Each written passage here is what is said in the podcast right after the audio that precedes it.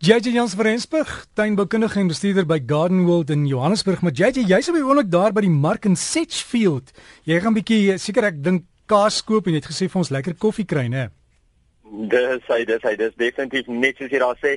Liewe Dirk, ons het so 'n lekker dag vandag hier so in Setchfield in die nice omgewing. Dit is ongelooflik.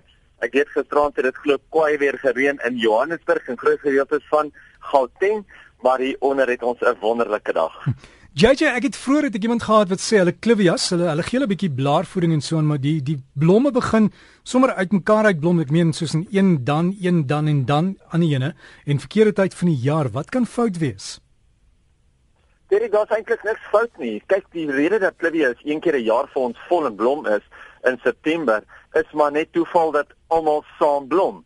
Maar onthou 'n klivia gaan vir jou blom sodra hy gelukkig is, sodra hy volwasse is en sodra hy voel dit is tyd om te blom. Kyk, ja, dit voel vir jou asof dit die verkeerde tyd is dat hy blom, maar dit maak nie saak nie. Meeste klivies gaan vir jou deur die jaar sporadies blom, maar hy sal dan weer vir jou in September pragtige blomme uitstoot almal op een slag en dit gaan baie mooi lyk. So JJ Babs in Klerksdorp, sy hoef nie bekommerd te wees nie, sy kan bly wees dat daar uh, Clivias haar boslelies is so gelukkig en sy kan maar vir ons 'n foto stuur, né? Ek sien en ons sien daarmee saam. En ook mense moet maar onthou dat dit sal baie lekkerder wees as jy klivies dwars deur die jaar geblom het as net een keer 'n jaar in September. Dink net, dan gaan jy baie meer kleure in die tuin hê en dan gaan dit nie net een keer 'n jaar daai pragtige asemromende uh massa kleur wees nie, maar jy gaan deur die jaar ook die kleure kan sien in die tuin.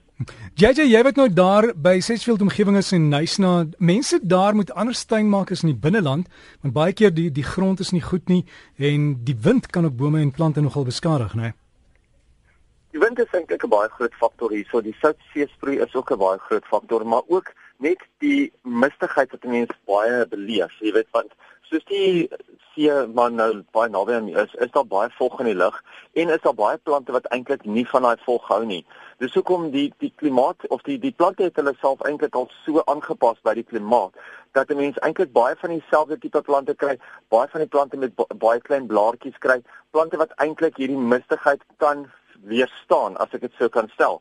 Maar soos jy sê die grond is ook baie baie sleg. Meeste van die areas is dit verskriklik sanderig, verskriklik verskriklik klipperig en ja, 'n mens moet maar weet dat wat jy plant moet by die area of die omgewing kan volstaan. Moet hierso kan hou. Andersins gaan jy sukkel om die hele tyd verkeerde plante te plant en die hele tyd geld te mors, geld in die water te gooi. So kyk maar bietjie wat groei goed in die area waar jy is en dan kan jy daarop probeer voortbou. Ietsie wat ek weet wat nou op die oomblik ongelooflik mooi en blom is hier onder is kannas.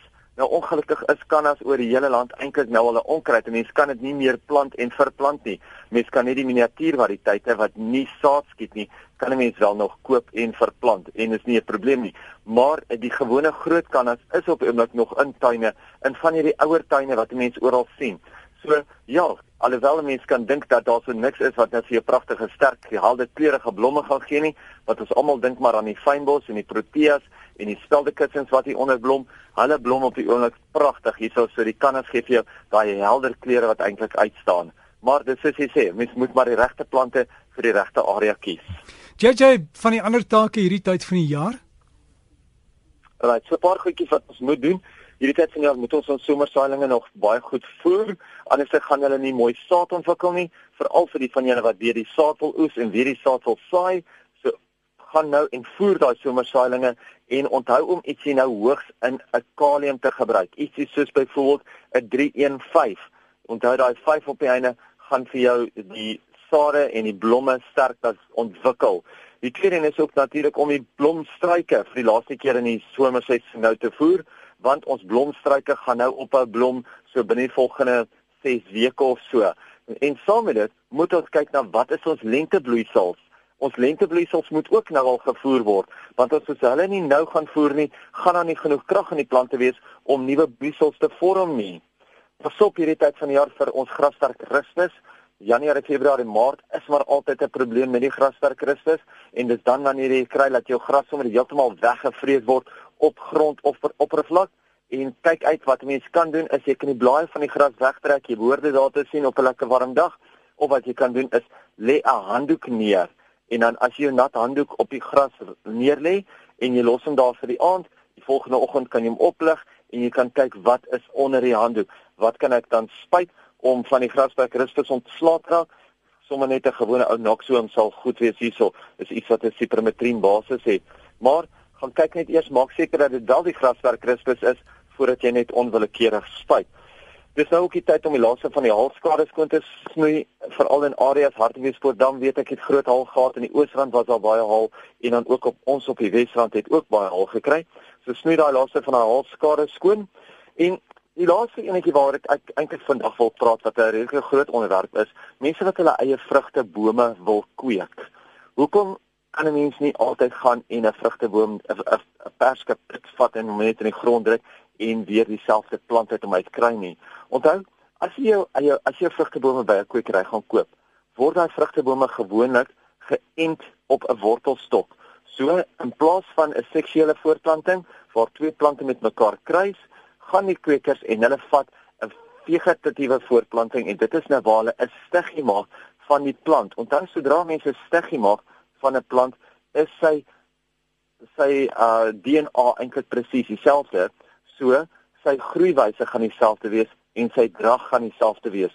So wat hulle dan doen, is hulle vat daai stiggie en hulle ent hom byvoorbeeld op 'n onderstok, op 'n wortelstok, op 'n willewortelstok, ietsie wat baie sterker gaan wees, baie langer gaan hou baie meer siektes gaan kan weerstaan en wat baie minder moeite gaan wees. So as jy mens 'n perskepitse vat en jy gaan hom plant, ja, hy sal groei, ja, hy sal langer vat voordat hy vir jou gaan vrugte dra, maar hy gaan nie vir jou presies dieselfde vrugte gee as wat die oorspronklike vrug was nie.